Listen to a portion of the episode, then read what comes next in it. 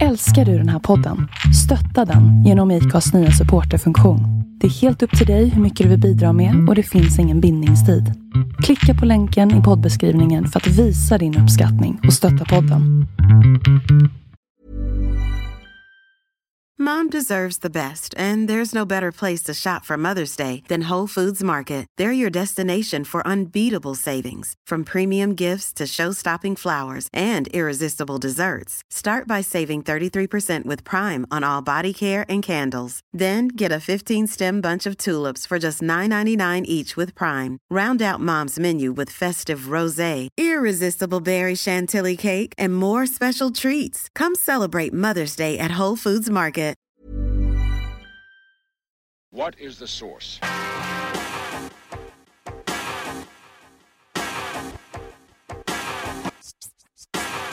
One, two, three, set it!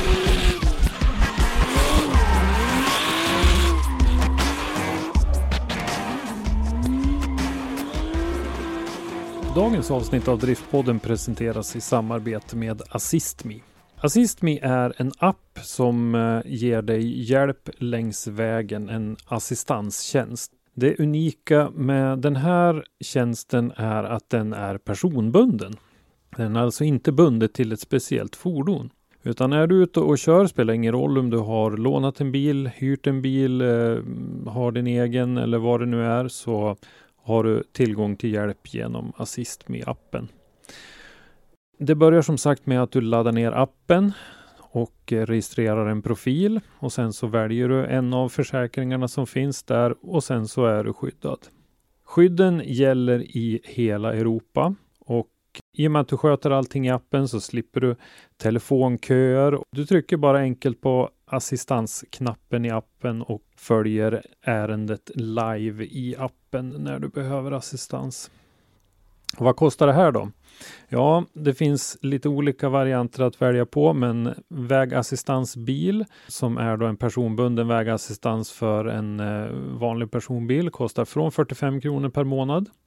Vägassistans husbil finns från 54 kronor per månad. Res plus bil är en tillfällig tjänst eh, som ger en, eh, ett extra bra skydd för din planerade bilresa finns från 19 kronor per dag. Och Res plus husbil, då motsvarande tjänst för husbil, finns från 23 kronor per dag. Så kika in på assistme.eu och eh, ladda hem deras app så får ni fullt skydd på era resor i framtiden. Och tack så mycket AssistMe för att ni stöttar Driftpodden.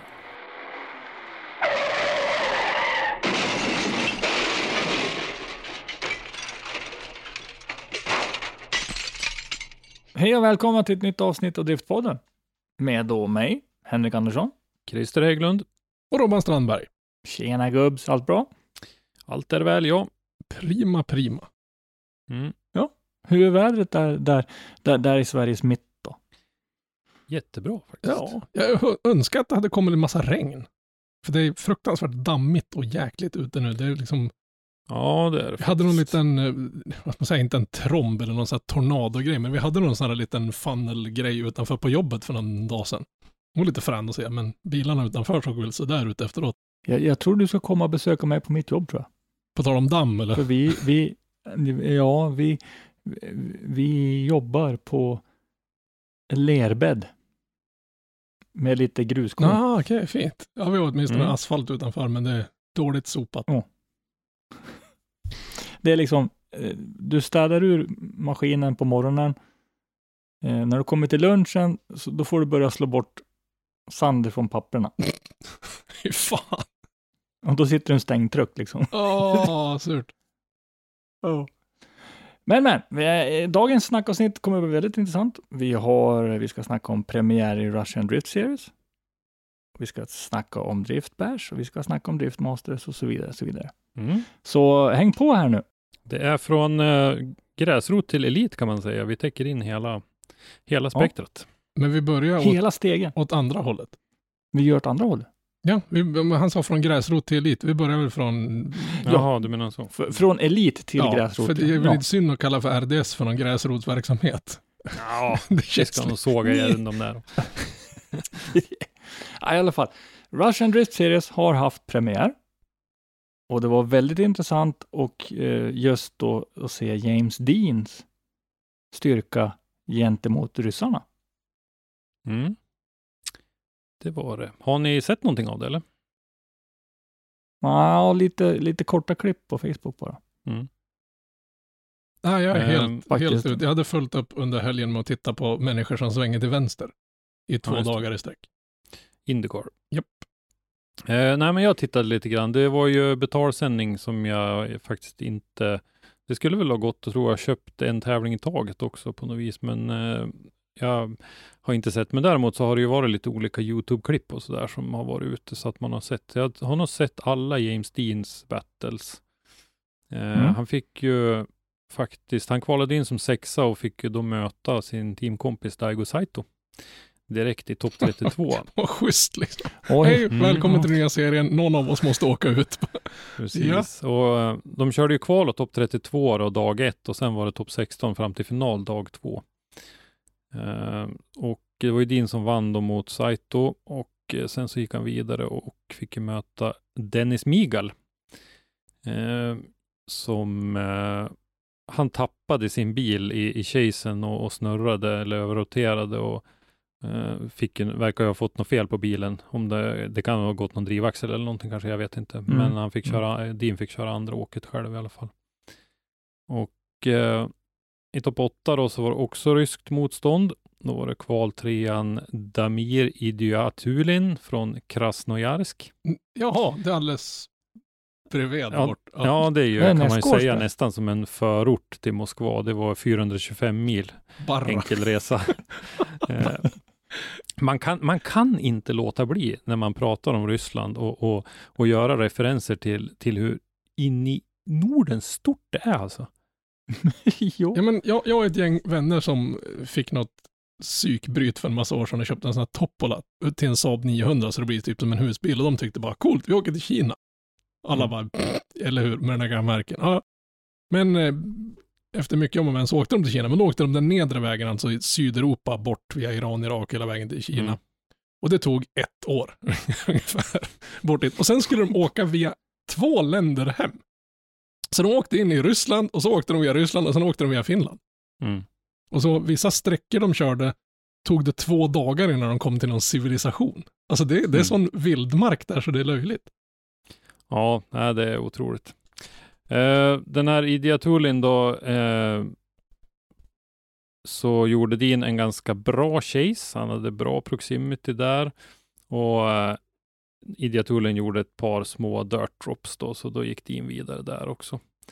Och Mm. i semifinalen då var det Evgeni Lusev från Irkutsk som eh, hade ännu längre. Han hade 530 mil till, till tävlingen. Och då gjorde jag en jämförelse i Google Maps att om man åker från eh, Moskva åt andra hållet och då kan man åka till Calais i Frankrike och tillbaka igen. På 530 mil. Det, det Det, hade han en enkel resa liksom. Och då har du, det är som du säger, då har du åkt genom he, från Moskva till, till franska kusten liksom. Det är genom hela Europa. Och, och vi sitter och, Och tillbaka igen. och, och jag sitter här och bara, ja men ja, Lidköping-tävlingen, det är långt från Sundsvall. Liksom, Ja. Ja, i alla fall då och eh, där så fick ju faktiskt din pisk. Eh, han eh, hade lite svårare att hänga med i chasen, din, och eh, Losev låg närmare i, i sin chase. Jag tyckte att han skar väldigt hårt i linjen för att åstadkomma den där proximityn. Men i alla fall så, så fick Losev segern då och eh, då blev det battle om tredje för, för Dean. Mm. Eh, och där då så fick han ju möta en som vi redan känner till lite mer om än vad vi gör många andra av de här och det var ju Georgi Gotcha Chivchan. Eh, som ju vann en del, eller va, han vann inte, han borde ha vunnit DMX-deltävlingen i, i Riga Mm. för ett par år sedan här när han snurrade, när det var, vad var det, 10 meter kvar till, till mållinjen och Martin Richards vann eh, den segern. Alltså, pardon me Martin Richard if you're listening, men den där segern var du inte värd. Faktiskt. Nej, Gotcha gjorde ju allt där. Ja, han gjorde det. Han är ju en otrolig förare. Så att, eh, Där fick Dean faktiskt också pisk, så att eh, han blev ju fyra då. Ehm, och eh, segrade, det gjorde Arkadi Tsargradsev. Och så den här Evgenij Lusev då tvåa och så Gotcha Chivchan trea. Och James Dean fyra.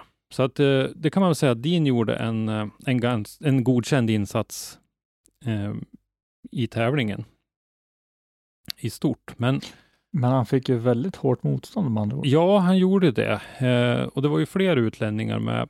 Men eh, det var ju ingen annan som riktigt nådde några stora framgångar. Daigo Saitos pratade vi om. Han åkte ut redan i topp 32 då, utslagen av Dean och Masato Kawabata eh, också i topp 32.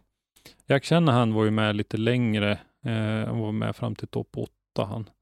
Då han blev utslagen då av den här eh, Tsargradsev. Mm. Kristaps Bluss, en annan eh, stjärna, blev utslagen i topp 16.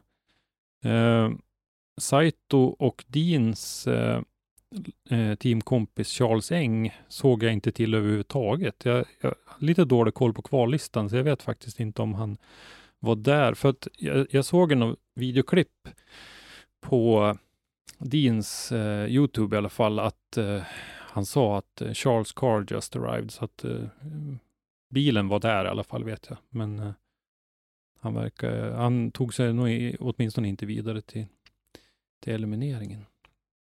Men det kan ju blivit något, något, något strul med, med vet du, om man säger visum och grejer också. Det vet man inte. Men det måste vara lite kul för Dean som nu de senaste säsongerna där han har kört har varit liksom, ah, det har inte, vem kommer tvåa? Det är det hela den serien har Mm. gått ut på i stort sett. Nu har han ju åkt till ett ställe där man såg på hans lilla kanal när han var och testade, i och för sig var det lite blött på banan, men han nämnde väl om att det var en av de längsta kurvor han någonsin hade driftat igenom. Mm.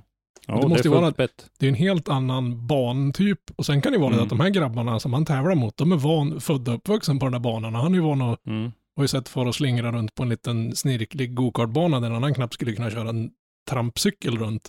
Ja, men absolut. Så det är två skilda världar. Det måste ju vara roligare för han att komma till ett ställe där det är, som det verkar vara nu, mycket hårdare motstånd. Så det är mera liksom Utmaning. fight i det hela igen. Helt klart. Jag ska säga, vi ska gå in exakt på det där alldeles, men eh, jag tänkte bara säga att Moscow Raceway verkar ju vara en helt fantastisk anläggning. Vilket ställe! Jättestora läktare och fantastiska faciliteter som, jag, som man har sett i när eh, Dean och Becky Evans är ju där och, och filmar och, och gör grejer. Så att jag tyckte det verkar vara en... Men är inte den byggd för att köra F1 på?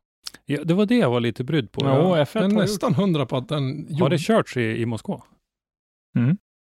Ja, den, den byggdes väl enkom, för den fanns väl inte innan de fick, nu kommer Forsa-podden-folket och bara, man hör hur Ja. de laddar alla bussar. Men om jag inte är helt ute och cyklar, eftersom F1 inte är min värld, så tror jag de byggde den här banan för att få F1 till Ryssland. Var Ja, fast det det kör de ju inte där, utan det kör de ju i Sochi där de eh, hade Mm. Jo, men den här var väl med i, i smeten och de Ja. ville väl ha dit Ja, den. det är Det är väl massa oligarkkillar som har, Mm. här skulle man ju ha kollat upp före, men jag är hemskt Mm. ledsen, Forsa-grabbarna. Men, men vänta nu, ja, ja nej, men då, då är det Sochi som, som finns med i den här uh, Drive to Survive, vad heter han? Mm. Det är, Serien på Netflix. ja, Mm. ja, precis. Ja, men det är bara där de Ja. har kört. Men det är möjligt att Moskva var med i snacket innan, eh, innan det blev så. Men, Ban, banan ja. byggdes 2008, så den har inte någon jätteanrik bana om vi pratar om. nej, nej, nej. Nej, den ser ju modern ut och som sagt eh, väldigt fin. Men eh, det jag tänkte att vi skulle prata mest om egentligen när det gäller det här, det var en intressant tävling helt klart. Det är roligt att se Din som sagt med, med lite eh, motstånd. Men jag såg ju förut en gång för, det kan nog vara ett år sedan eller något nu, när de var och gjorde ett studiebesök i, vem det var kommer jag faktiskt inte ihåg. nu. Men det var någon i alla fall med en Youtube-kanal som var och gjorde ett studiebesök hos HGK och Kristaps Plus. Då när de precis höll på att eh, flytta ur lokalerna som ligger under läktaren på eh, Bikinikibanan i, i Riga. De har ju flyttat till större, modernare lokaler nu. Och då visade Bluss sin BMW, eh, ja, HGK E92 då, Eurofighter, som skulle gå i ryska serien. Och han pratade extremt mycket om vikt. man jagade vikt, man jagade halvkilon liksom här och där. Därför att det gick så snabbt. Och eh, nu när jag har sett en tävling lite mer än vad jag har gjort förut så, så förstår jag lite mer det. För det såg ut att gå ruskigt snabbt alltså. Och Mm.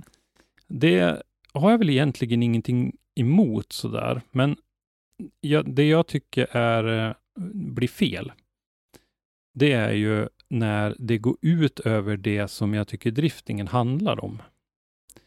Och det är ju att i en ytterzon ska du ju passera med bakdelen av bilen. Båda bakhjulen och, och ja, bakänden av bilen så att säga. Mm. Mm. Och om man såg första ytterzonen till exempel på den här banan i Moskva så var det ju väldigt mycket flacka vinklar. Du kunde ha ena bakhjulet i eh, zonen. Och jag har lagt med några bilder i vårt manus här som, som ni ser, men som ju tyvärr inte lyssnarna ser, där den här Tsare Gradsev som vann då alltihopa, han kör ju med höger fram och höger bak genom en ytterzon. Jag tänkte säga, det där ser ut som att han tar en ganska bra utgång ur en, bara en schysst Mm. banracing-sväng om man så säger, utan att åka på tvären. Det är, Och det, det vi ser på bilden här skulle inte jag kalla åka på tvären överhuvudtaget. Nej. Det är ingen vinkel alls. Nej, det är ingen vinkel alls. det är men Och- snudd- F, F1-bilarna vi tittade på i helgen hade mer vinkel än det här kan jag säga. Ja. Eh, och eh, samma sätt så har vi, vi har en bild till också då på en som har eh, bara höger bakhjul i, i zonen och sådär. Och då tycker jag att man eh, har tappat lite grann vad driftingen går ut på. Det här beror ju lite grann på hur man har lagt banan naturligtvis. Eh, och eh, det blir, Och lägger man, lägger man för bred och, och vid bana så att du måste hålla hög fart, då får du den risken. Ja, och det kan jag tänka mig är en sån här sak som eh, din har lite problem att, att komma in i så att säga. För precis som du sa Robban, så han, han far ju åka omkring på den där lilla gokartbanan när han testar grejer och eh, vad heter det, IDC när, när det fanns. Det var ju lite så här stö, stora parkeringar, vissa deltävlingar. De målar linjer på någon stor parkeringsplats bara och så där. Men den, den, Det är ju en de- helt annan typ av drifting. Men den är mer teknisk. Den är lite som, Ja. eh, vad ska man säga, titta på om, om man jämför Gröndal med Mantorp till exempel. Mantorp är mer en fullfartsbana med jättestora, yviga, fina, för det är en, det är en banracingbana. Medan Mm. de här som din och de har kört på, det är lite mera Gröndalshållet, att det, du får inte upp någon extrem fart på den, men däremot så måste du, Ja. du får ju jobba runt. Det är inte bara där. Mm. Nej, och jag ser, eh, jag ser det som en, en styrka i, i våra serier som vi har haft, att både Mantorp och Gröndal har varit med och att eh, vi inte rör oss från, från Mantorp och uppåt liksom i, i storlekar och, och hastigheter. Mm. För, Ja, jag det blir ju också en, en väldig skillnad på utväxling och hela den Ja, biten. ja, visst. Nej, men om man förstår ju det här, det var ju en ganska, det var ju en helt vanvettig eh, dragracing. Eh, du Robban brukar ju prata lite grann om, om den här dragracingen när vi Mm. kör eh, Mjölbydelen Ja. baklänges. Eh, att, att den, men jag menar, det, var, det är ju ingenting mot för vad de hade här. Jag, jag såg ju några klipp på, på tuben jag också. Och alltså det, Mm. det är ju som du säger, det, det är ju liksom en ren, jag vet inte, de, de kan ju aldrig varit nere under 100 någonsin på den där. Nej, det, Det, alltså det, om det ens inte. stoppar. Ja, nej, Ja, jag tror in- de inte ens på de absolut- 150 där i, i initieringen. Ja, Liksom. men på den, på den, vad ska man säga, som lägst hastighet kan de ju knappt ha kommit under 100. Det var ju Nej, liksom nej, bisarrt. det tror Då, då, är det ju, då är det helt plötsligt inte roligt att titta på. Då kan jag lika bra sitta och titta på någon som ligger och pushar massa varv runt Nürnbergring. Det är ungefär lika upphetsande. Mm. För då är det inte drifting, då är det ju bara banracing där du har lite pissig grepp i bakvagnen ungefär. Mm. Mm. Ja, vi får väl se. Det ska ju mm, köras fler deltävlingar i det här, så vi får väl fortsätta att titta lite grann och och bilda oss en uppfattning om, om alla banor är så här, eller om det var tillfälligt just för, eh, för den här Moscow Raceway. Men eh, Men kollar man på layouten på, nästa på Moscow Raceway så, så går det ju inte att bygga någon speciellt mycket mer teknisk bana för den är ju väldigt, det är väldigt raka, långa, ja, den är väldigt stor och vida kurvor så det finns inte några slingriga partier att köra på den egentligen heller. Så jag hoppas ju att det blir, Ja, ja inte, det- inte någon sån här supertekniskt eller? Nej, kanske inte supertekniskt, men du får ju dra ihop ytterzonerna och så du har en Mm. transition över till andra sidan eh, ganska tätt inpå och, och lite sådana där grejer och innerklipporna brukar ju ofta ta ner eh, farten lite grann. Så att eh, ja, vi får väl se som sagt, men det är, det är nog ingen eh, alldeles jätteenkel uppgift för, för Dean och Shanahan och de här grabbarna att eh, slå sig in i i den här konkurrensen, det tror jag inte. För att de här förarna, ryska förarna är ju vana vid, vid den här typen av banor. Och den här typen av drifting. Då. Ja, alltså de har ju byggt sina bilar uh, utefter vad de tror att det kommer bli för banor. Mm. Och då får du ju, jag menar om Dean sitter och testar sin bil med en utväxling anpassad för då gokartbana säger vi. Eller för DMEC. Mm. som inte kör på någon större bana alls. Ungefär. Mm. Han får ju kämpa hund Jo, men för att komma upp i. oh, precis. Nej, jag vet, han, han hade ju fel utväxling i från början när han kom dit. Eh, men då bytte han. Eh, fast då gick han åt andra hållet tror jag. Han hade lite Tätare, för alltså? hög utväxling och sänkte den för att han skulle kunna köra på fyran istället för att måste peta i femman. Men, eh, för den där bilen är ju naturligtvis byggd så att den ska gå och kunna eh, klara av en, en massa olika. Och det kanske var därför han byggde den här bilen också, för det här, för att han var medveten om eh, det här och jaga vikt och, och det. ja. Men han, han var inte lika tydlig i att berätta om det som vad Blyss var i, i det reportaget när, eh, när han hade byggt sin bil. Mm, mm. Men nästa deltävling är i det då? Vart går den? Ja, den går ju på en ring circuit heter det i Nizhny Novgorod. Det är eh, faktiskt inte jättelångt ifrån Moskva. Det var bara något 48 Ja, men det var bara typ så här 60, Mil. 60 mil eller någonting. Det var bara stenkast. Jag kommer inte ihåg riktigt. Jag satt och kollade lite grann på vart den tävlingen som går längst bort var, men jag kommer inte ihåg det nu. Men nu. Den, är Ja. av, den banan är avsevärt mycket kortare. Den är bara 3,2 kilometer lång. Eh, Det känns lite grann som Ryssland har lite grann eh, precis som jänkarna. Biggest, baddest. Ja, men jänkarna har ju bara massa stort. gamla banor som håller på att falla i bitar nu. Det såg vi för fan på de Ja. senaste Indyloppen när de har haft stått och för, med, med en sån här gasolbrännare för att försöka laga banan under tävlingens gång. Den här Mm, banan de så- ska köra på nästa vända, den byggdes 2010. Men alltså vilket, vilket land där det liksom, inte bara Moscow Ring, så här, åh 2008, men när- när byggde vi en ny racebana av Mantorp-kaliber sist i Sverige? Nej. Nej, men eh, jag tycker att man kan skönja att det finns en, en vilja. Jag har jämfört det lite grann med hockeyn och KHL. Att man, man har velat få till att KHL ha, ska vara en, en eh, ryska ligan ska vara en, en kraftig konkurrent till NHL i Nordamerika. Och jag tycker att det är Mm. lite samma sak här också, att man, man bjuder in de här. Daigo Saito är ju verkligen ett affischnamn. Naturligtvis är ju James Dean det också. Eh, och, och Shanahan och, och de här, att man vill få dit stora namnkunniga förare för att eh, höja statusen på serien ytterligare. Att man vill att det ska bli en, en av de här stora serierna i världen. Jag tycker att DMEC och, eh, och Formula Drift i USA är, jag tycker de är faktiskt ungefär jämbördiga. Och eh, det är ju de två stora serierna som jag ser i världen. Sen D1GP i Japan, de har ju lite egna regler och lite sådär så att jag, jag håller inte den riktigt lika högt. Men eh, Nej, men jag tror nog ändå att Ryssland har ett bra koncept. mm, de, vill, de vill slå sig in där, men vi får väl se lite grann som sagt hur, hur driftingen ser ut framöver. För fortsätter det så här så mm, är jag lite tveksam.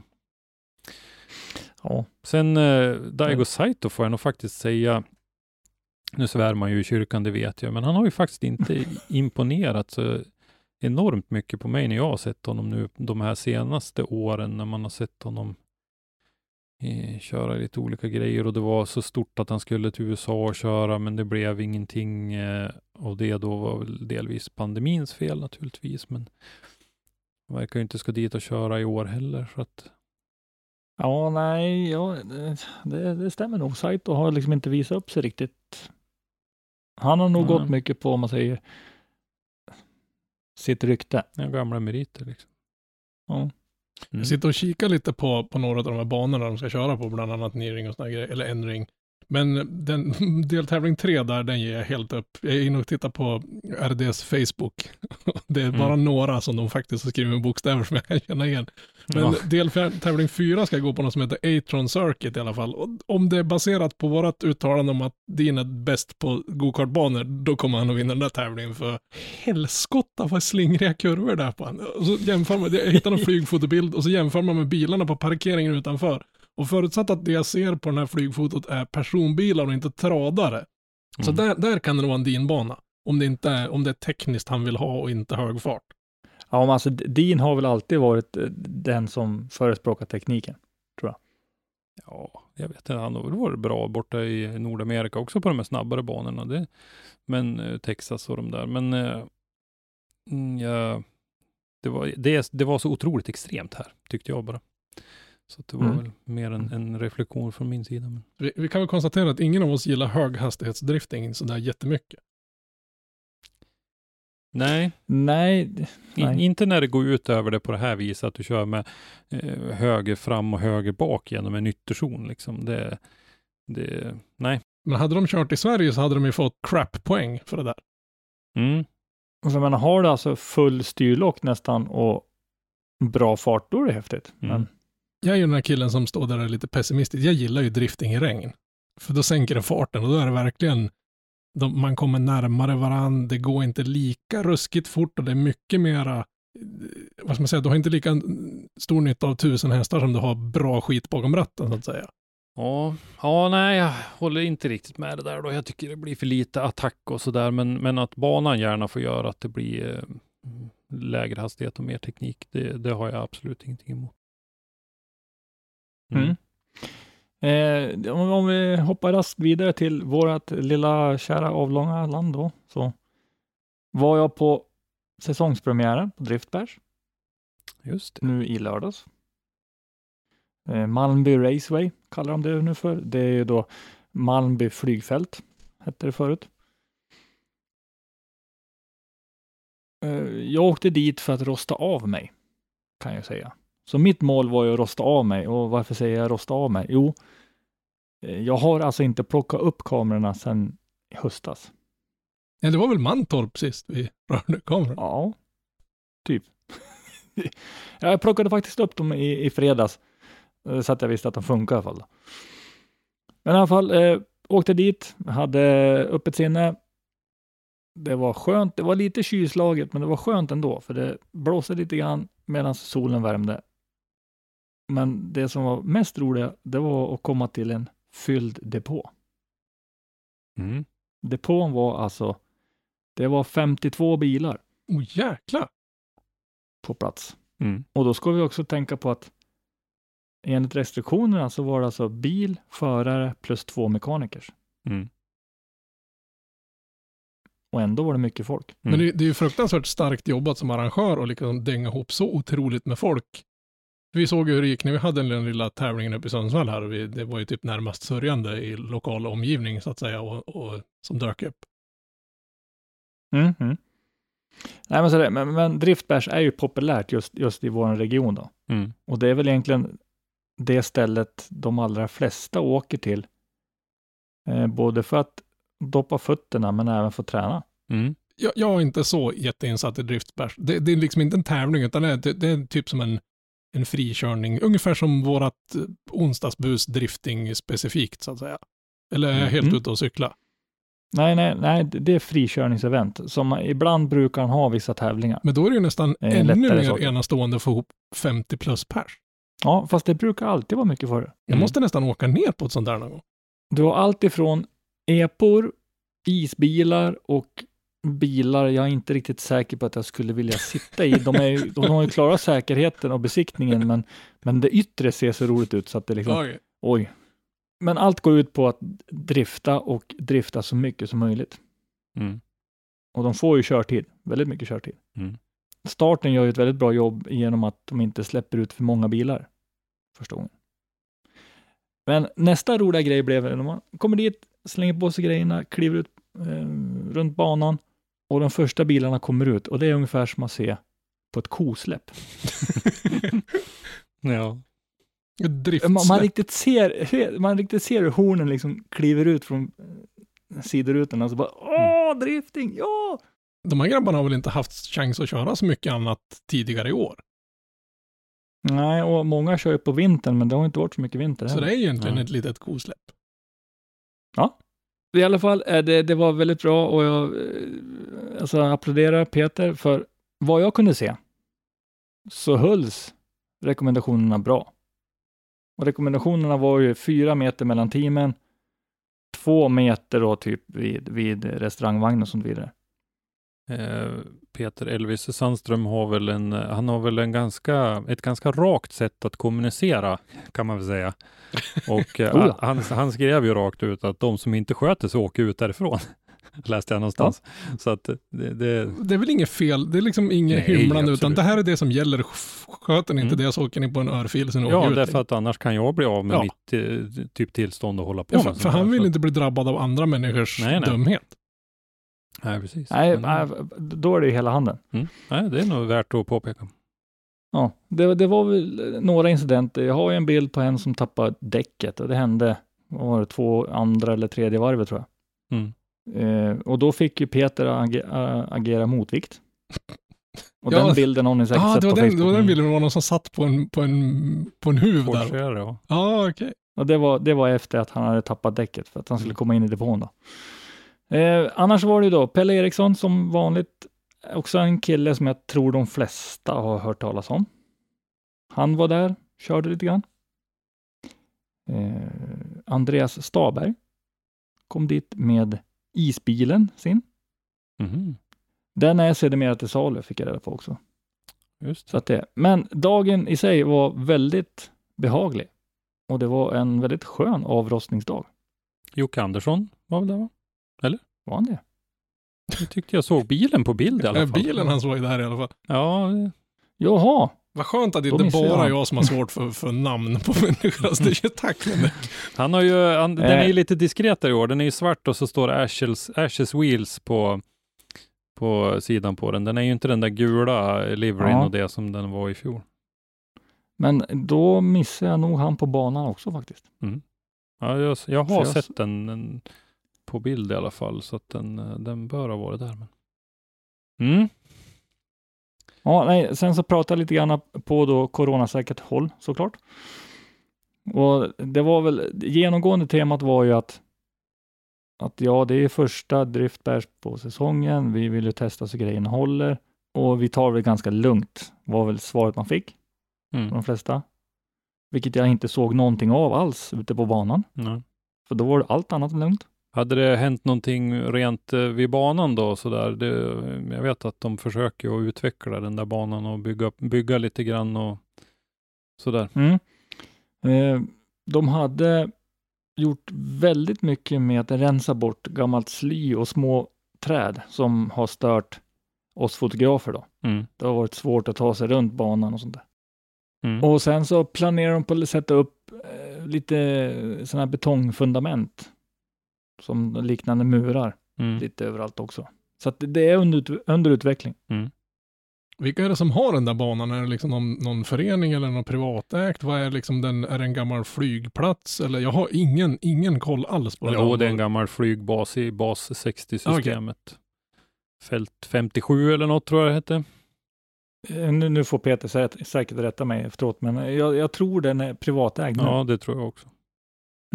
Men att eh, namnet original är ju Malmby flygfält.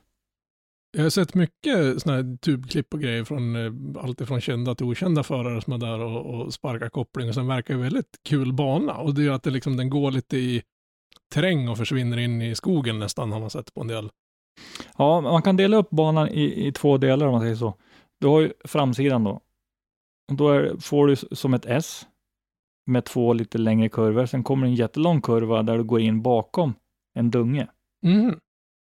Och så kommer baksidan då. Och så slingrar den sig ner. Och så kommer det en, vad ska man säga, 180 graders kurv. Kan man säga att du, du svänger runt nere vid starten då. Och Den, den ser ganska slingrig ut banan, de, det man har sett av den. Eller det jag har Ja, sett den är av den ganska fall. teknisk. I grunden är den ju lika som Sundsvall, Mm. eh, för det är ju samma, den är ju byggd enligt samma, men det beror ju sen lite på hur man har dragit och de här extra eh, grejerna. Nej, alltså det, ja, all heder. Eh, Fortsätt så, Peter. Och SVR Motorsport och dina eh, funktionärer. När är det något mer på gång där då? En väldigt bra fråga och jag har ju som vanligt inte kollat upp det. Ja, men det, det brukar ju vara ett antal varje säsong, eh, så det brukar inte vara jättelångt mellan dem. Nej, och sen så pratade jag lite grann med, med Peter om, eh, även han arrangerar ju också dragracing. Titta lite grann åt de hållen också. Men då är väl han på sin hemmaplan i Linköping, va? Jo, där. Så att det. Men eh, i alla fall, eh, om vi nu ska då raskt vidare internationellt, så har ju Driftmasters förarlista och den nya kalendern blivit presenterad. Mm. Och det som är kul här, det är att vi har fyra svenskar med. Precis, det har vi. Ska vi ta kalendern först kanske? Den innehåller ju lite roliga nyheter den också faktiskt. Mm. Där eh, deltävling 1 och 2 kommer att gå i Lillesand i Norge. 24 till 26 juni. Eh, deltävling 3 då är ju den som skulle ha varit deltävling 1. Eh, PS Racing Center Greinbach, Österrike, 10 till 11 juli. Sen så är det deltävling 4 och 5 på Bikiniku i eh, Riga. 30 juli till 1 augusti. Och sen då är det deltävling 6 i Tbilisi i Georgien, det här stadsloppet där. Mm. Mm. Eh, jättekul för eh, Lillesand. Eh, Ronny Köhler bland annat som vi har pratat med tidigare ligger bakom den där banan och eh, att de då får inte bara en utan två deltävlingar. Jättekul. Eh, PS Racing Center, eh, där har ju du och jag Henrik varit. Eh, det var ju ingen eh, riktig favoritbana så där. Det var ju också lite go-kart eh, stuk som jag Mm. tyckte var Jo, jo. sådär. Riga är ju en bana jag verkligen gillar. Som jag tycker har det mesta. Det Ska bli roligt att se hur de gör där. Om de eh, kommer att variera banan eller om de bara kör två tävlingar på samma bana. Det, den bansträckningen som har varit nu de senaste åren har ju varit ganska liknande. Avslutningen har ju varierat lite grann. När Stefan och jag var där för tre år sedan så var det ju en avslutning och sen gjorde de ju någon hel loop runt 180 grader tillbaka då när Gotcha snurrade strax innan mållinjen och det där som vi pratade om nyss. Mm. Så att de har ju varierat avslutningen, men fram dit har det ju varit ganska, ganska lika. Och nu då när det ska vara två deltävlingar, se om de gör någon variant eller om de kör nere i skogen, där nere där eh, Nästdrift, Witch Kettle. ja i Witch Kettle-delen, ja precis, och, eh, där eh, har kört sina tävlingar. Där nere har ju, som jag har förstått det, Demek inte velat kört för att det är ju väldigt svårt med publikplatser där nere. Men det är väl frågan om hur det blir nu då, om de får ha någon publik eller, eller hur det är. Vi får väl se. Ja, jag tror ju inte det kommer vara så jättemycket publik där när vi kommer i slutet av juli, augusti. Nej, man vet ju inte riktigt hur det ser ut i andra länder. Jag vet ju att det har börjat släppas på. I vissa delstater i USA har de ju släppt helt på restriktionerna redan nu. Så att eh, vi får se. Men eh, sen då som sagt Tbilisi, Georgien. 4 till 5 september. Man har ju en hel del fördomar om ett land som Georgien, eh, tyvärr. Men eh, det är nog en, eh, en ganska modern stad och det skulle ju vara, bli jättekul att se den där tävlingen in i stan. Där This Mother's Day, celebrate the extraordinary women in your life with a heartfelt gift from Blue Nile. Whether it's for your mom, a mother figure, or yourself as a mom, find that perfect piece to express your love and appreciation. Explore Blue Nile's exquisite pearls and mesmerizing gemstones that she's sure to love. Enjoy fast shipping options like guaranteed free shipping and returns. Make this Mother's Day unforgettable with a piece from Blue Nile. Right now, get up to 50% off at BlueNile.com. That's BlueNile.com. Mom deserves the best, and there's no better place to shop for Mother's Day than Whole Foods Market. They're your destination for unbeatable savings, from premium gifts to show-stopping flowers and irresistible desserts. Start by saving 33% with Prime on all body care and candles. Then get a 15-stem bunch of tulips for just $9.99 each with Prime. Round out Mom's menu with festive rosé, irresistible berry chantilly cake, and more special treats. Come celebrate Mother's Day at Whole Foods Market. Faktiskt. Ja, just det. Det var, det var stadsdelen, Ja. Men Georgien, alltså. Ja, det är långt alltså. Det är en, en bit österut och en bit söderut, så att det blir en, en rejäl bit. Ja, men ligger det, ja, det måste nästan ligga på, på ryska gränsen då.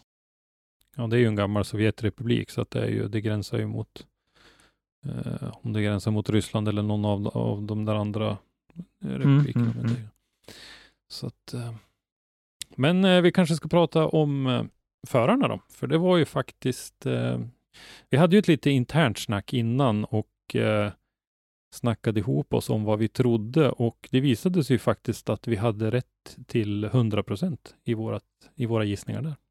För en gångs skull hade, vi en rätt. gångs skull. Och, och, in, och, in, och vi har inte liksom sänt ut i etern tyvärr. Nej. Vi behöver inte pudla. Nej. Jag hade, Oj, oj. jag hade ju faktiskt skrivit artikeln som vi publicerade på Motorsportmagasinet innan de presenterade det. Och det var ju en liten chansning naturligtvis, men eh, det var ju en chansning som gick hem. Jag pratade ju med Christian Erlandsson när han skulle ställa upp i Swedish Drift Championship och eh, Eh, vi sa ju då i någon sändning att eh, Christian eh, in, inte vågade köra DMX för att det var, eller om jag skrev det, jag kommer inte ihåg, eh, för att det var ja, för osäkert liksom att resa runt i Europa och sådär. Så då, då sa ju han till mig att jag har inte sagt att jag inte ska köra den. så att eh, man anade ju nästan det då. Eh, men eh, det ska bli kul att se Christian i år igen. Han eh, Mm. har ju kört nu, det är ju fjärde säsongen nu då, om vi räknar med eh, fjolåret som var bara en tävling, men han var ju med där också. Eh, största framgången hade han ju på Hockenheim 2018 då eh, han kom på en fjärde plats i kvalet och eh, tyvärr då halkade lite, lite utanför banan i eh, topp 16. Så att han blev utslagen i topp 16, men han kom ju, han lär väl ha blivit nia tror jag då för att eh, han eh, hade ju en väldigt bra kvalplacering som sagt. Och den här, Ja, och sen så är det att alltså Christian, varenda gång man, man har varit ute eller man har lyssnat runt på just Driftmasters så har ju alltid kommit upp att Christian har ju väldigt ofta fått mycket beröm mm, från klart. bedömarna. Ja, helt klart. Så han har ju körningen alltså. Det, det, Ja. det, sen är det ju sådana små marginaler så att det räcker med liten grej så är det ju kört. Ja, men på den Precis. här nivån måste allting vara 100% för att du ska ha en chans att vara med. Det går inte Mm. liksom komma med Mm. att det är 99,2% och så, Nej. för det, det, det blir inte mycket högre upp och, och ratta runt omkring här. Eh, hans eh, Subaru BRZ är ju en eh, riktigt snygg och eh, riktigt potent maskin, absolut. Och eh, han hade ju något problem med den, riktigt vad har vi inte fått reda på, på Swedish Drift Championship som gjorde att de eh, packade ihop och åkte hem därifrån. Det var ju något haveri Ja, är som det, nå- gjorde att de, in, Ja. som de inte kunde fixa på plats, så att säga, i alla fall. Så att vi får väl hoppas att han har fått ihop den innan det drar ihop sig. är det någon av våra kära lyssnare som kanske har vet? Får, får gärna skicka liksom ett DM då, eh, som det nu så snyggt heter. Vi är nyfikna. Ett- Ja, Ja. Vi var ju och drog i lite kontakter där, men eh, han, eh, Alex eh, Hjeltén, han höll emot lite grann. Han ville inte riktigt säga vad det var. Men det kan ha varit så enkelt att de inte hade tagit reda på, att de inte visste vad det var, att det var något haveri bara, men inte hade fått reda på riktigt vad det var. Men också på den här nivån som man- man ska upp och köra vill man kanske inte basunera ut alla grejer man har råkat ut för heller. Jag skulle inte vilja liksom dundra ut så att mina konkurrenter, för men även resten av svenskarna är ju hans konkurrenter, även om de förhoppningsvis kommer åka dit som ett, ett kompisgäng och liksom hjälpa varandra. Så det, det är fortfarande, till syvende och sist på banan så är de ju lika bittra fiender som resten av startfältet. Du tänker lite som NHL sådär, upper body damage, det betyder att man har fel på ett knä. Ja, men typ. Ja, för det Ja. vill man inte berätta för motståndaren, utan då säger man att Ja, är ja. man skadad på överkroppen, så här, då är det alltid ett knä. Jo, men du vet man själv, liksom, man kan ha haft en pisshelg och gjort illa sig, men man talar ju aldrig om för någon konkurrent att du har praktiskt taget slit av en sena i vaden eller någonting sådär, men köra ska du göra likt förbannat. Mm. Ja, Sen har vi Drift Brothers i Sweden. Eh, och då bröderna från Hallstahammar har ju satsat hårt i ja, i jättemånga år. Eh, Linus är då regerande svensk mästare efter sin seger 2019. 2020 så kördes ju ingen, så han är ju fortfarande regerande svensk mästare. Jag tänkte säga, inte Viktor också där? Ja, Viktor blev ju tvåa på SM, men svensk juniormästare. Men det är dock svensk mästare, fast i juniorklassen. Ja, ja, så, ja, så försök Ja, för guds skull inte att måla ner det där på något sätt. Det, Nej, nej, nej. fan, de gjorde en bragd som inte var att leka med. Drift Brothers drog ju hem jackpot. Alltså etta, tvåa i SM. Eh, där Linus då blir eh, mästare och, i SM-klassen och Viktor blir mästare i juniorklassen. Mm. Tanken var ju att köra DMEC redan 2020 och bröderna var med i King of Riga-tävlingen med sina då HGK Eurofighters. Eh, det gick ingen vidare, men jag tror ju precis som Christer skriver i, i sitt lilla manus här. Ni ser, jag läser det. Det är bra. Eh, I alla fall, syftet var ju att känna på motståndet, känna på banan, känna på eh, alltså flödet. atmosfären och allting liksom. eh, Skaffa Ja. sig rutin liksom. Ja, för att då i sammanhanget som kommer i år kunna göra då en, en, en ärlig chans. Jag kan ju inte påstå att jag är så här, de två första namnen på den här listan, så att säga, eller tre första namnen. Det är inte så att det varit någon nämnvärd förvåning med, med Erlandsson och Johansson. Det var liksom på något sätt, jag hade, Nej. hade blivit förvånad om de tre inte hade kört. Mm. Om, om de har möjligheten. Då är, så är det ju. Och då är Mm. ju kanske nummer fyra då på den här listan en, en eh, lite större överraskning. Nu hade vi ju fått lite hintar som pekade mot det redan innan. Eh, och det är ju då Felix Lindvall, Eh, 20-åring från Killeberg i Skåne.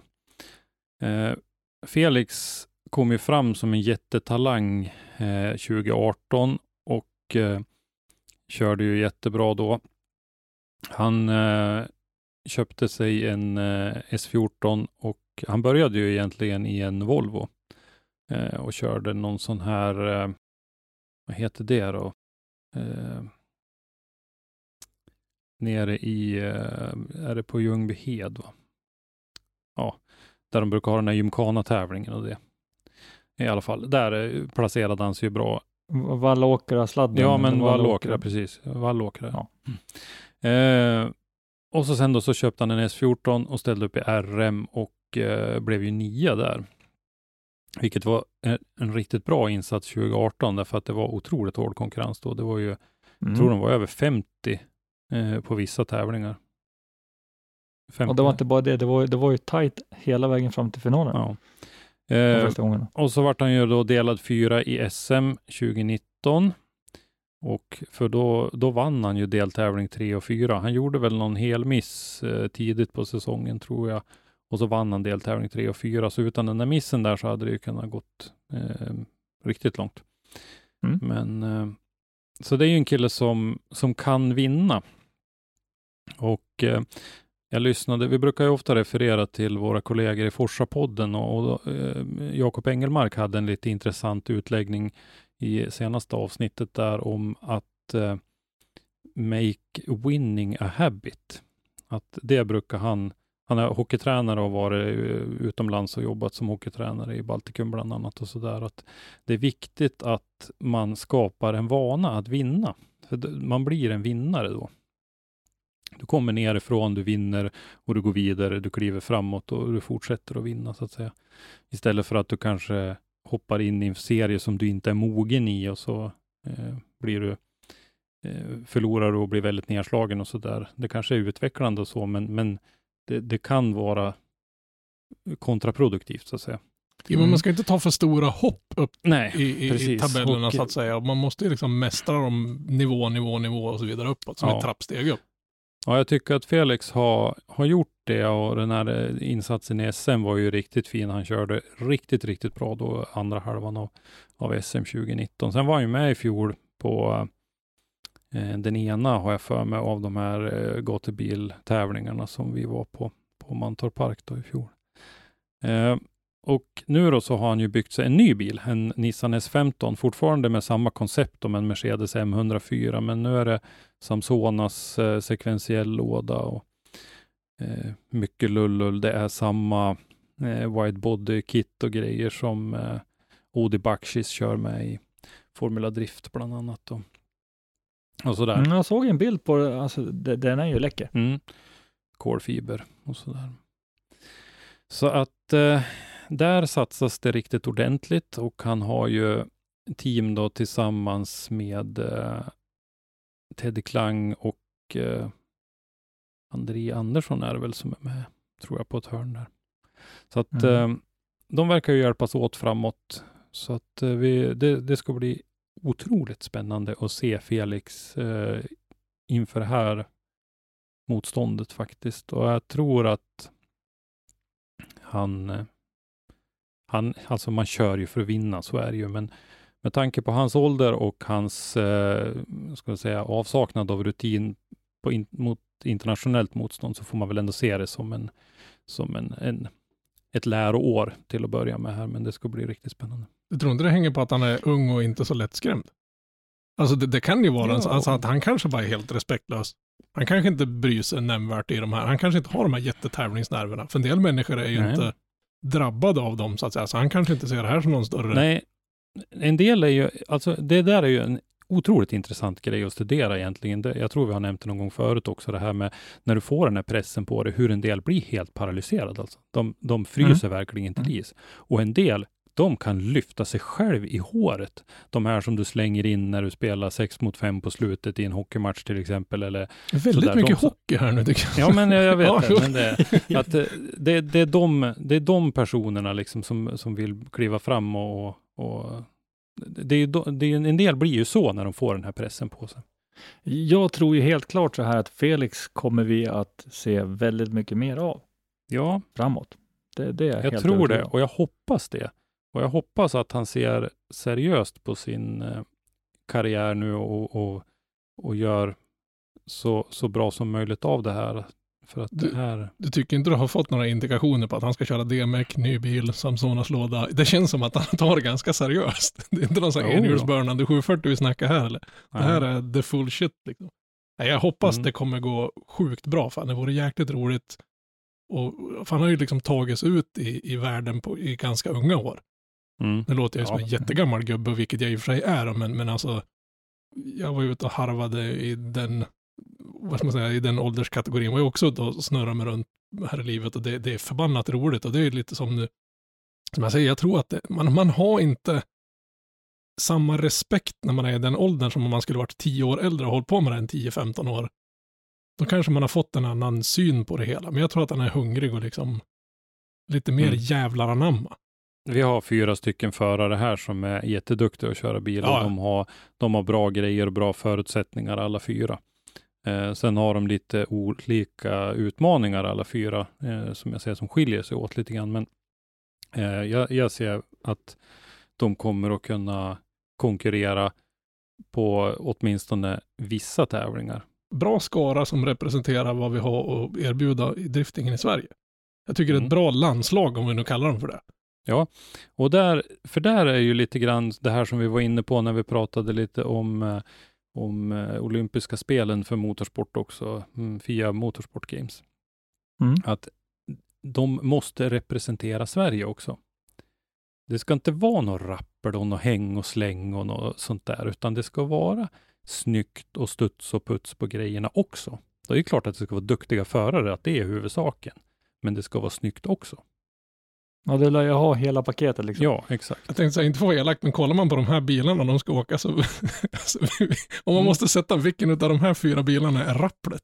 Alltså, Nej, nej, det, det, det, det, jag menar, det existerar ju inte. Nej, nej, nej, nej, nej absolut inte. Nej. Det, man får väl nästan gå efter vilken av de här bilarna är äldst. Ja, Ja, då är det Erlandssons BRZ tyvärr. Och, då, och, ja, precis. Och, och, har man sett den då vet man att ordet rappel inte ens hör hemma i samma Nej, kommun som det precis, där. Så det- liksom det, det putsen är ju inget Ja. på alls. Nej, men det, jag tycker det är ganska viktigt. Ändå. Men sen så ska vi komma ihåg, eh, speciellt då när vi pratar om Felix, som vi säger är ganska ung också, att det är 56 namn på den här listan, startlistan, från Mm. 21 olika länder. Det är eh, flest är det från Polen som har 12 stycken med. Och om vi kikar lite grann på några, svenskarna har vi redan pratat om då. Tor Arne Kvia, Odd Helge Helstad och Örjan Nilsen från Norge. Vi har Tor Arne har ju eh, placerat sig högt i DMEC. Han var ju bara på gärdsgården och blir nästan på pallen totalt något år här. Och Mm. Eh, Odd Helge har ju varit väldigt framgångsrik i Gatubil Drift Series bland annat och är väl norsk mästare något år har jag för mig om jag inte kommer ihåg alls fel. Eh, Tor Arne var ju förresten mästare i Norwegian Drift Championship förra året. Första i nya serien där. Örjan Nilsen, Ja. Mm. GDS-mästare 2018. Så att det är ju tre duktiga norrmän bara där. Tittar vi på Joa Rintanen, Nikko Mättele, två finländare. Mättele är faktiskt den enda människa, på, till och med jag, och det här är liksom sensationellt. Det, det, han är den enda jag inte känner igen på en lista. Jag ser liksom en rad med namn och det är en individ jag inte känner igen. Annars brukar det vara typ Mm. så, åh det är 50 namn och en känner jag igen. Nu är det precis tvärtom. Finsk mästare eh, 2019. Eh, vi gjorde en intervju med honom då för Driftzones räkning. Vet jag. Joar Rintanen kört Formula Drift, han har kört DMEC tidigare. Eh, var ju också på väg till eh, tävlingen i Riga i höstas, men då gjorde han ju en liten piruett när han provkörde som voltade runt och grejer, så de hann ju de fick ju ihop bilen, men då hann de inte resa till Riga, utan då åkte de till eh, finska mästerskapstävlingen som var samma helg istället. Så att de, de tävlade samma helg, men de hade Köra inte det ska där vi oavsett vilken världsdel det är, liksom, eller vilket väderstreck vi åker. Och så. Åka Ja. ska det bli. Eh, Mikael Overgaard, Danmark.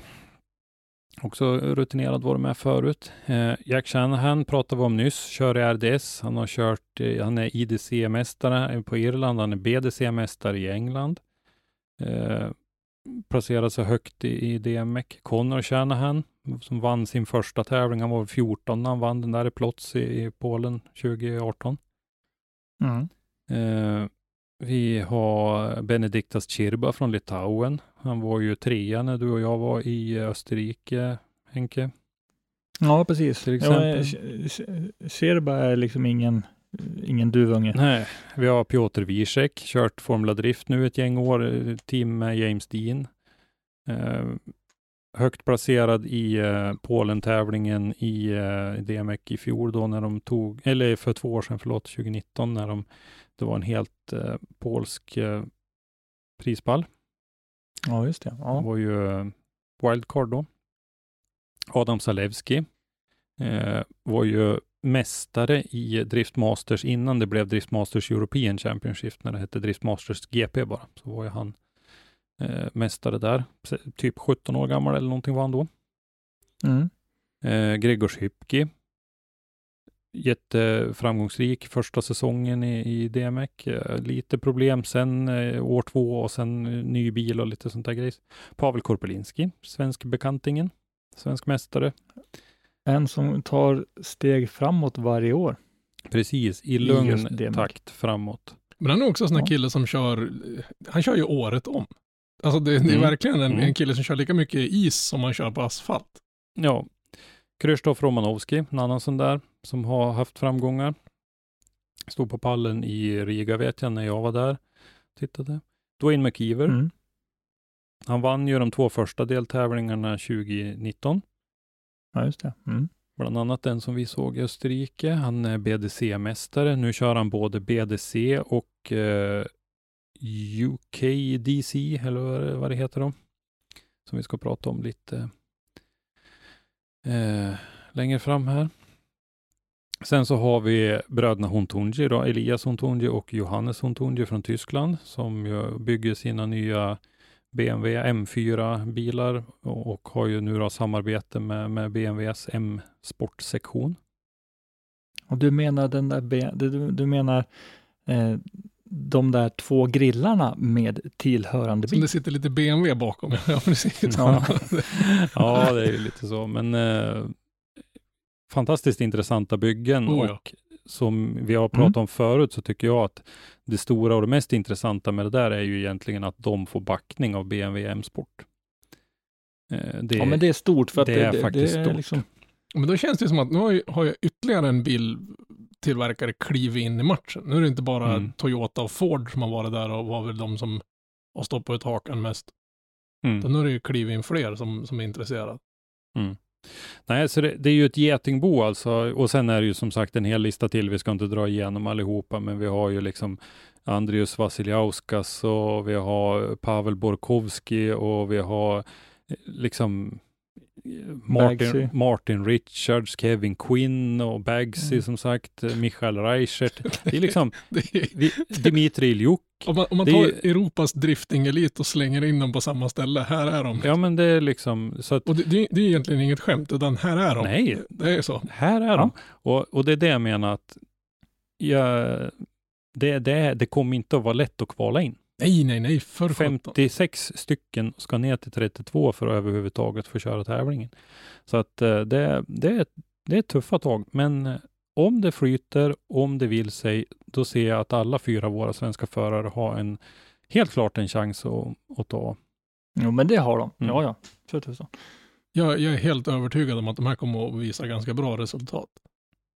Menar, det, det är ju Mm. rutinerade förare, eller tre av dem i alla fall, har ju ruskigt med rutin. Mm. Och, och så tar de med sig en fjärde talang dessutom på det där. Så jag, jag tror det här kommer bli ett jäkla bra år.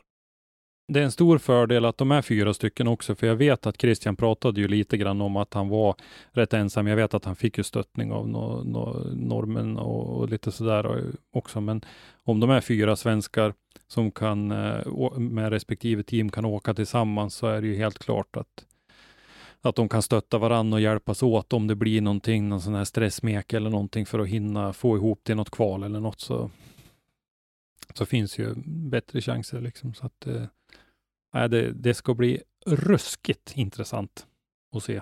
Mm. Faktiskt. Eh, En, en jag hajar till på som inte finns med på listan, det är ju Pöytalaxo. Ja, pytonlaxen. Eh, Pyton, just det, pyton. Ja, vi Går brukar inte han runt och letar efter bitar av sin motor på Mantorp fortfarande? eh, jag vet faktiskt. Jag har inte hört någonting alls av han. Nej, jag vet. Han höll väl på att bygga en ny bil igen det sista jag hörde, för han sålde ju. Han hade ju två stycken likadana så där som han sålde. Som Ja. han på byggde. Men mitt minne är ju att han klev av serien 2019 också. Så Ja, just det. när du var på Ferropolis, då körde ju inte han Driftmasters egentligen. Utan då körde Nej, han, han Iron vann. Drift King. Ja. Och vad Och vann vann, han i eh, Iron Drift King?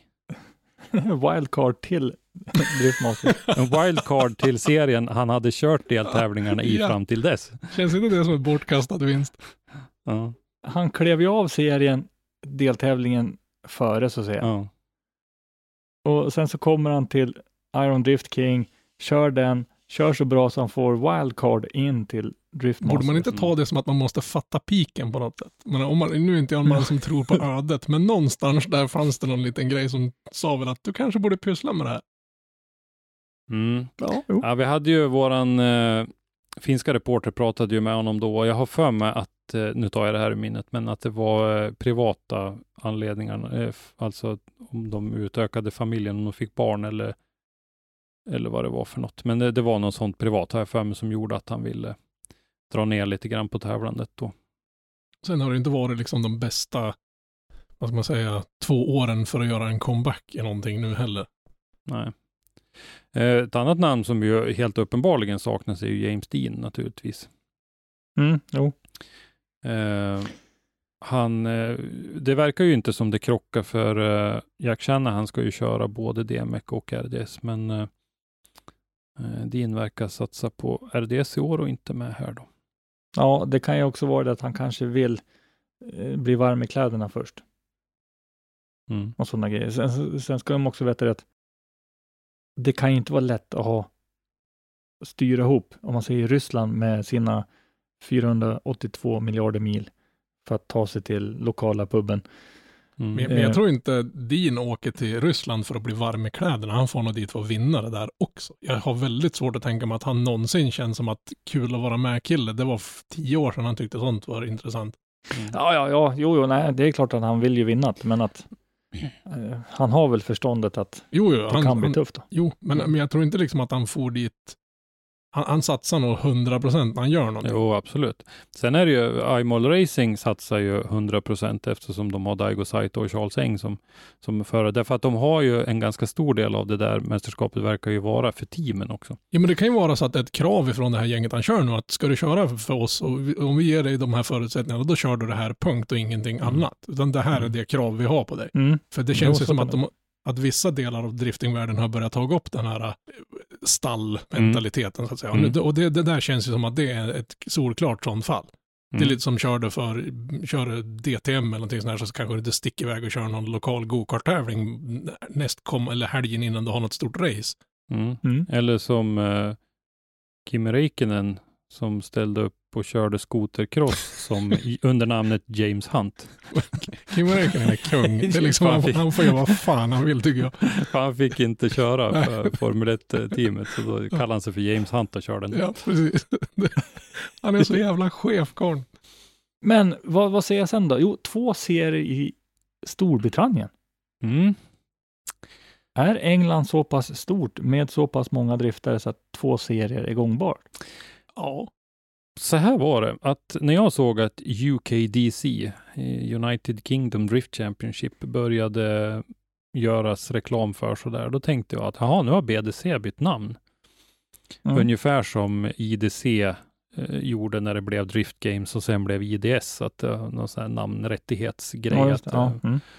Men eh, UKDC nu då, de har ju kört en del tävling och Eh, som jag tittade lite på och eh, kom in i semipro eh, eller pro 2 eller någonting och tyckte det var otroligt dålig kvalitet. men, men det visade sig sen att det var ju den lägre och nej, det var inte bra. Men i alla fall så eh, fick vi höra nu i, jag följer ju Drift Games eh, video, eh, vloggserie som jag har pratat om förut med deras är det någon, om, vi säger så här, tror du verkligen att det är någon som sitter och lyssnar på den här lilla podden som inte gör det? Så, Jag vet faktiskt inte. Då, och gör ni det, då måste ni rangsaka. Till att börja med så kan ni sluta lyssna på den här podden lite rappt, för ni har en del annat som, som borde ligga lite som högre. Som lite högre hackordning. Ja, nej men eh, där pratar de ju i alla fall om då att eh, tanken är ju att eh, Corvetten och MX5 ska ha premiär på en BDC-deltävling. Och nu så har det ju börjat dyka upp lite grann i flödena här att eh, det är ju snart dags för BDC-premiär, så att det verkar ju som att det ska köras två serier Kul. samtidigt då. Ja, och jag, som jag har uppfattat det kommer ju till exempel eh, Dwayne McKeever att köra båda, plus DMX då. Men hur, Mm. vadå, så, så, så det blir tre serier han ska ratta runt med? Och han Ja. har hur många bilar? Ja, en vad jag vet. Hoppas han har ett glatt Ja, gäng där- killar som ja. gillar att köra, köra släp. För jävlar Ja. vilket rattande det kommer bli. Jag hoppas han har kommit längre i utvecklingen av sitt team, för att när vi pratade med honom den där berömda gången som vi har pratat om förut, när vi inte förstod vad han sa, då, då, hade han ju, då blev han ju nästan hemma, för att då hade ju växellådan gått sönder och då fanns det inga pengar att köpa en växellåda för. Så att eh, kompisarna hade ju eh, sala ihop till en växellåda åt han så han skulle kunna åka och köra första DMX-deltävlingen. Men, Som han sen vann ja. som han Ja. sen vann. Men det, det är fascinerande att man kan, kan åka till DMEC med de, under de förutsättningarna och ta hem en seger. Ja, det, det- beskriver väl lite grann hur omogen den här sporten är. Mm. Därför att det finns inte många andra om du ser till någon, någon touring car eh, eller någonting. Där kommer du fan inte någonstans med, ja, jag- polarna köpte en låda så jag kunde åka och sen, Det luktar lite Eh, folkrace av en sån ja det är attityd. lite så, tyvärr. Alltså det var jättebra gjort av, av McKeever, he- helt klart. Och han skulle ju dit, det var ju det polarna tyckte liksom, att eh, han, han är så duktig så han måste dit. Men, men ändå, eh, så vi får väl se nu då hur eh, kvaliteten blir på det här. Vi får väl försöka hålla lite koll på, för BDC har ju varit en ganska hygglig serie i alla fall. Eh, Ja, det har det varit. var. Alltså, det har inte varit några dåliga saker där. verkligen inte som Jack Shanahan som sagt. Eh, irländarna här har ju kört eh, lite grann i BDC också, så Jack Shanahan är ju BDC-mästare. Eh, och även Dwayne McKeever har ju kört i IDC också på Irland. Dwayne McKeever är ju nordirländare. Han kommer ju från Nordirland, så han hör Mm, ju mm. egentligen till BDC då, om man ser det så. Han, de hör ju till Storbritannien. Men de, Ja, just det. Vi ska inte gå in på historien där med vad, vad som hände. Och, ja. Men, men varför, så, som en del som vi tar listan i, i serien ovanför så Martin Richard kör för Storbritannien. mm. Vilken del av Storbritannien kommer han ifrån? Ja, han kommer nog från England tror Men jag. va, varför kör man inte för, för England en sån gång då? då? Alltså, jag, jag Vad hade- då kör du för medelpad när du Nej, är men, ute och... men om vi säger de irländarna och hela gänget och, och liksom de andra små holmarna runt omkring där. Men, varför inte Nej, men- basunera ut att du är, kör för England? ja, men det som var ju nation. det. Ja, inte som, som det är jag, jag som världsdel har- nästan tänkte jag säga, men hörru, det är jag som har skrivit den här listan. ja, ja. vad heter det, Kevin Quinn och eh, vad heter det, Dwayne McKeever stod ju angiven som att de körde för Nordirland. okej. Men eh, Bagsy för Storbritannien. Jaha, ja, ja. Och Nordirland ingår i Storbritannien. Jo, jo, jo. Så då får man ju bestämma sig. Antingen då så får du ju göra som i fotbolls-VM där England och Skottland och Wales tävlar var för sig. Och Nordirland. Då får du ju Mm, ha så då i så fall. Ja, men det var Men- det jag tänkte, man, man skulle liksom, man, vad ska man säga, Johan sa de åker inte iväg och tävlar för Norden. Storbritannien tycker jag det känns som att åka iväg och tävla för Norden, inte för Ja, Sverige. fast så är det inte. Det Ja, nej, nation. nej, men det, det blir liksom, jag, Mm. jag vet inte, hade jag varit född och uppvuxen i England och varit en engelsk förare så hade jag nog fasen åkt och tävlat för England. Min bil hade varit vit med ett rött kryss tvärs över. Mm. Ja, ja. ja. Eh, som sagt, eh, formuleringarna i listan som ligger ute på eh, Motorsportmagasinet, de är, den är jag som har skrivit. Så att eventuella synpunkter mottages per e-post. Jag tror inte, alltså ta inte illa upp, men jag tror inte någon av de här killarna kommer mejla och bitcha om det där. Möjligtvis var Johan och, och, och det gänget, de, de kanske har lite, det finns en teoretisk möjlighet att de hör det här, men Det är väl en annan också eh, som eh, kan vara en öppen för, för diskussion då i så fall och det är ju Enver Haskasap, för han kommer ju från Nordcypern. Och det är ju också så där, är det ett land eller inte egentligen? Det där är väl, där är det väl inte fred ens. De, de krigar väl mot varandra fortfarande fastän det inte har varit något nå, Men Enver säga. Haskasap, alltså ursäkta men låter inte det, i mina öron klingar det fruktansvärt norskt tycker jag. ja, nej. Enver Haskasap, det låter liksom. En eh, bankman från Nordcypern som har eh, han, han behöver inte vända på slantarna Nej, i nej, slutet det på månaden. känns ju inte som det. Nej, eh, had, vi har ju träffat på han eh, några gånger ute och eh, blivit eh, faktiskt ganska god kamrat med en av hans foto och filmkillar. Så att eh, vi har eh, ja, haft lite kontakt i alla fall. Så att, för han är ju en sån där som får turnera, inte han då, men hans bil, hans ekipage får ju turnera runt i Europa under den här tiden. Det är ju ingenting som man drar hem till Cypern med. Så där bara. Bara över en helg. Eh, Han skulle ju vara med i eh, när Drift GP körde på Gröndal när jag var där 2017. Då var ju Enver Haskasap med. Och eh, det var ju en månad då från tävlingen innan. Nu kommer jag inte ihåg vart den gick någonstans, men vi fick ju höra från Johan på Gröndal att eh, den där stackaren som körde lastbilen, han var ju på plats på Gröndal tre och en halv vecka innan tävlingen. Va? Så han fick ju sitta där, han fick ju bo där på parkeringen, men- han i lastbilen i, i typ tre och en halv vecka. Vecka, alltså det är vecka vi Mm. pratar, inte dagar. Och var det tre och en halv dag i förväg ja. känns också Nej, det, var, lite det, var, över... det var flera veckor han bodde där på. Stackare. Eller åtmin- ja, ett par veckor var det åtminstone. Ja. Eh, så att, eh, men det, det tror jag inte gjorde Envar Haskasap någonting, utan det var nog bara att betala av sig glad. Ja, visst. Pay up sucker. Två identiska bilar har de med sig dessutom. Ja, precis. Har jag haft. Fan vad gött att, slutet. liksom ha det kapitalet och kunna göra en sån grej. Alltså, nu ska jag sticka ut i jag, jag tycker det här är kul, jag vill leka med det här. Nu, nu, nu bygger jag den här riggen, så skickar jag iväg den här stackars killen flera veckor i förväg. Jag tar det här planet upp sen några dagar innan. Mm. Det här är coolt. Ja, men eh, vi halkade utanför ämnet lite, men vi får eh, se lite grann vad det blir där med UKDC och BDC eh, framöver här. Intressant och även, även så är det liksom en liten fingerpekning på att vi växer. Mm. driftingen växer. Så är det ju. Men eh, irländska serien, den blev väl nedlagd, den här IDS. Eh, Ja, eller lagt på is i alla fall. ja, det var ju han som var med i Drift Games-gänget ett tag, som, eh, ja, nu tappar jag namnet på honom, som tog över det där. Jag, jag köpte ju en hoodie Ja, av honom för, att, för att stötta Ja. det där projektet, men Nej, jag kommer inte sak samma. Men det har ju inte pratats, så att det verkar ju inte bli någon serie på Irland i år i alla fall. Det, det är lite synd faktiskt. Irländarna har ju bra förare. Men eh, från det ena till det andra, man kanske skulle ta och starta upp Assetto Corsa igen, ser jag. Ja, du tänkte Eh, så. En digital version av Fällfors. Ja, Undrar om man får, får, får tillgång till den banan. Ja. Mm. Faktiskt så är det snack nu då om att det är en eh, person, Olof Eriksson, där uppe som på eget initiativ och med egna medel har sett till att det har eh, gjorts en digital version av Drive Center Arena då i Fällfors mellan Piteå och Skellefteå ligger det ju.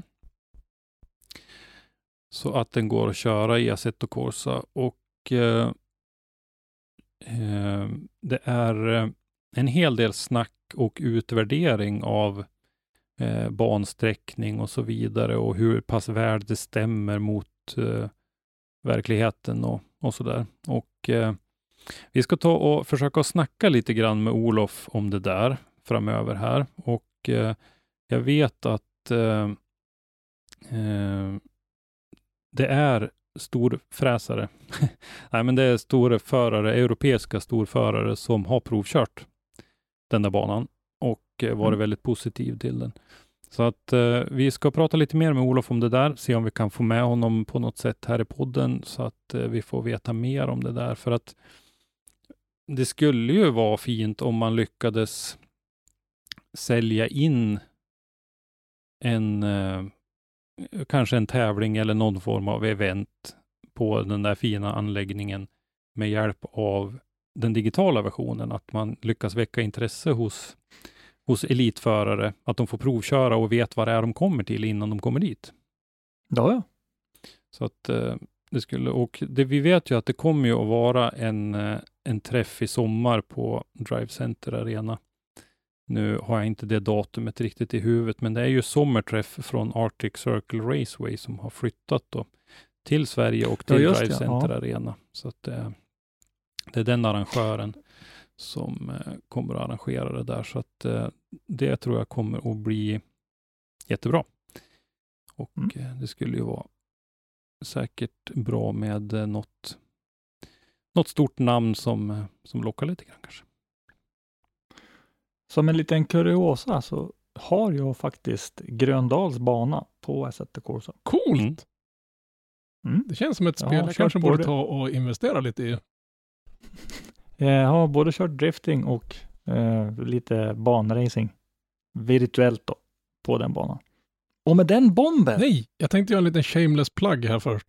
Innan vi, vi bombar och så vidare. Jag tänkte bara informera att om det är någon som bor omkring i Västernorrlandsregionen eller däromkring så den 13 i femte så anordnar de en frikörning. Och det kan ju vara lite halvbra om du ska upp och ratta någon SM-deltävling här snart så kanske du vill åka upp och nöta lite bana innan. Och det är fortfarande platser kvar. Det är 12 stycken anmälda idag. Från, I spridda skurar, alltifrån eh, SM-förare ner till enhjulsburnande 740. Och, så det är bara att höra av sig till SRA via deras eh, webbsida eller via Facebook om man är sugen på att komma ner och köra. Jag menar, det, är- det är ypperligt tillfälle att få känna av fästet, känna av... eh, Ja, banan blir väl inte densamma. Kanske. Det vet man Men inte. Jag har, ingen aning vilket håll, träna. Liksom. jag har ingen aning om åt vilket håll de tänker köra nu. Så kom och gasa lite Det och bra. titta på, titta på det nya lilla eh, tornet de har byggt där uppe. De har ju rivit den här lilla inchecknings, den här halvmörkna, eh, fallfärdiga lilla saken som hölls ihop med, med gaffatejp och ett extra lager färg i stort sett. Den har de Lilla tornet. Nej, ja, men den, den här lilla incheckningskuren de hade, den lilla Ja, ja. halvskruttna som de hade lyft upp golvet med en domkraft för att det skulle stå åtminstone hyfsat rakt. Det har de gjort sig av med nu och byggt ett jätteschysst ja, ja, ja. trevåningars torn Mm. med sekretariat och, och ja, för kommentering och ett litet litet mötesrum och grejer. Den den är inte hundra klar än. De håller ju på att jobba järnet där uppe i gänget, men det kommer bli ett jäkla lyft. Tror ni vi får podda därifrån då? Jag har kollat lite med Hasse som är där och meckar och, och donar på tillsammans med Göran och några till där. Och han trodde väl att det fanns en liten chans att kunna få låna den där lilla skrubben på bottenvåningen på kvällarna efter SM-tävlingen och surra med lite folk. Ja, det tycker jag. För tusan. Eh, I alla fall. Jag hoppas ni har haft lika trevligt att lyssna på det här avsnittet. Och med det så hörs vi snart igen. Det kommer att komma ett avsnitt med en intervju som kommer att bli väldigt intressant här framöver. Och med det så säger vi helt enkelt hej då! Hej då! Hej då! Följ Motorsportmagasinet på Facebook och Instagram. Där heter vi Motorsportmagasinet och på motorsportmagasinet.se. Missa inte vårt nya videomagasin där första avsnittet handlar om första deltävlingen i Gatubil Swedish Drift Championship. Tack för att du har lyssnat. Lyssna gärna på våra tidigare avsnitt och glöm inte att ge oss betyg i din podcastapp. Har du ett ämne eller en gäst som du vill att vi tar med i Driftpodden så skicka oss ett meddelande på Driftpoddens eller Motorsportmagasinets sociala medier. Eller skicka ett mejl till oss på driftpodden gmail.com. I dagens avsnitt har du hört Henrik Andersson, Christer Hägglund och Robban Strandberg. Ljudpåläggning och slutmix Robban Strandberg. Driftpodden produceras i samarbete med Motorsportmagasinet och produktionsåret var 2021.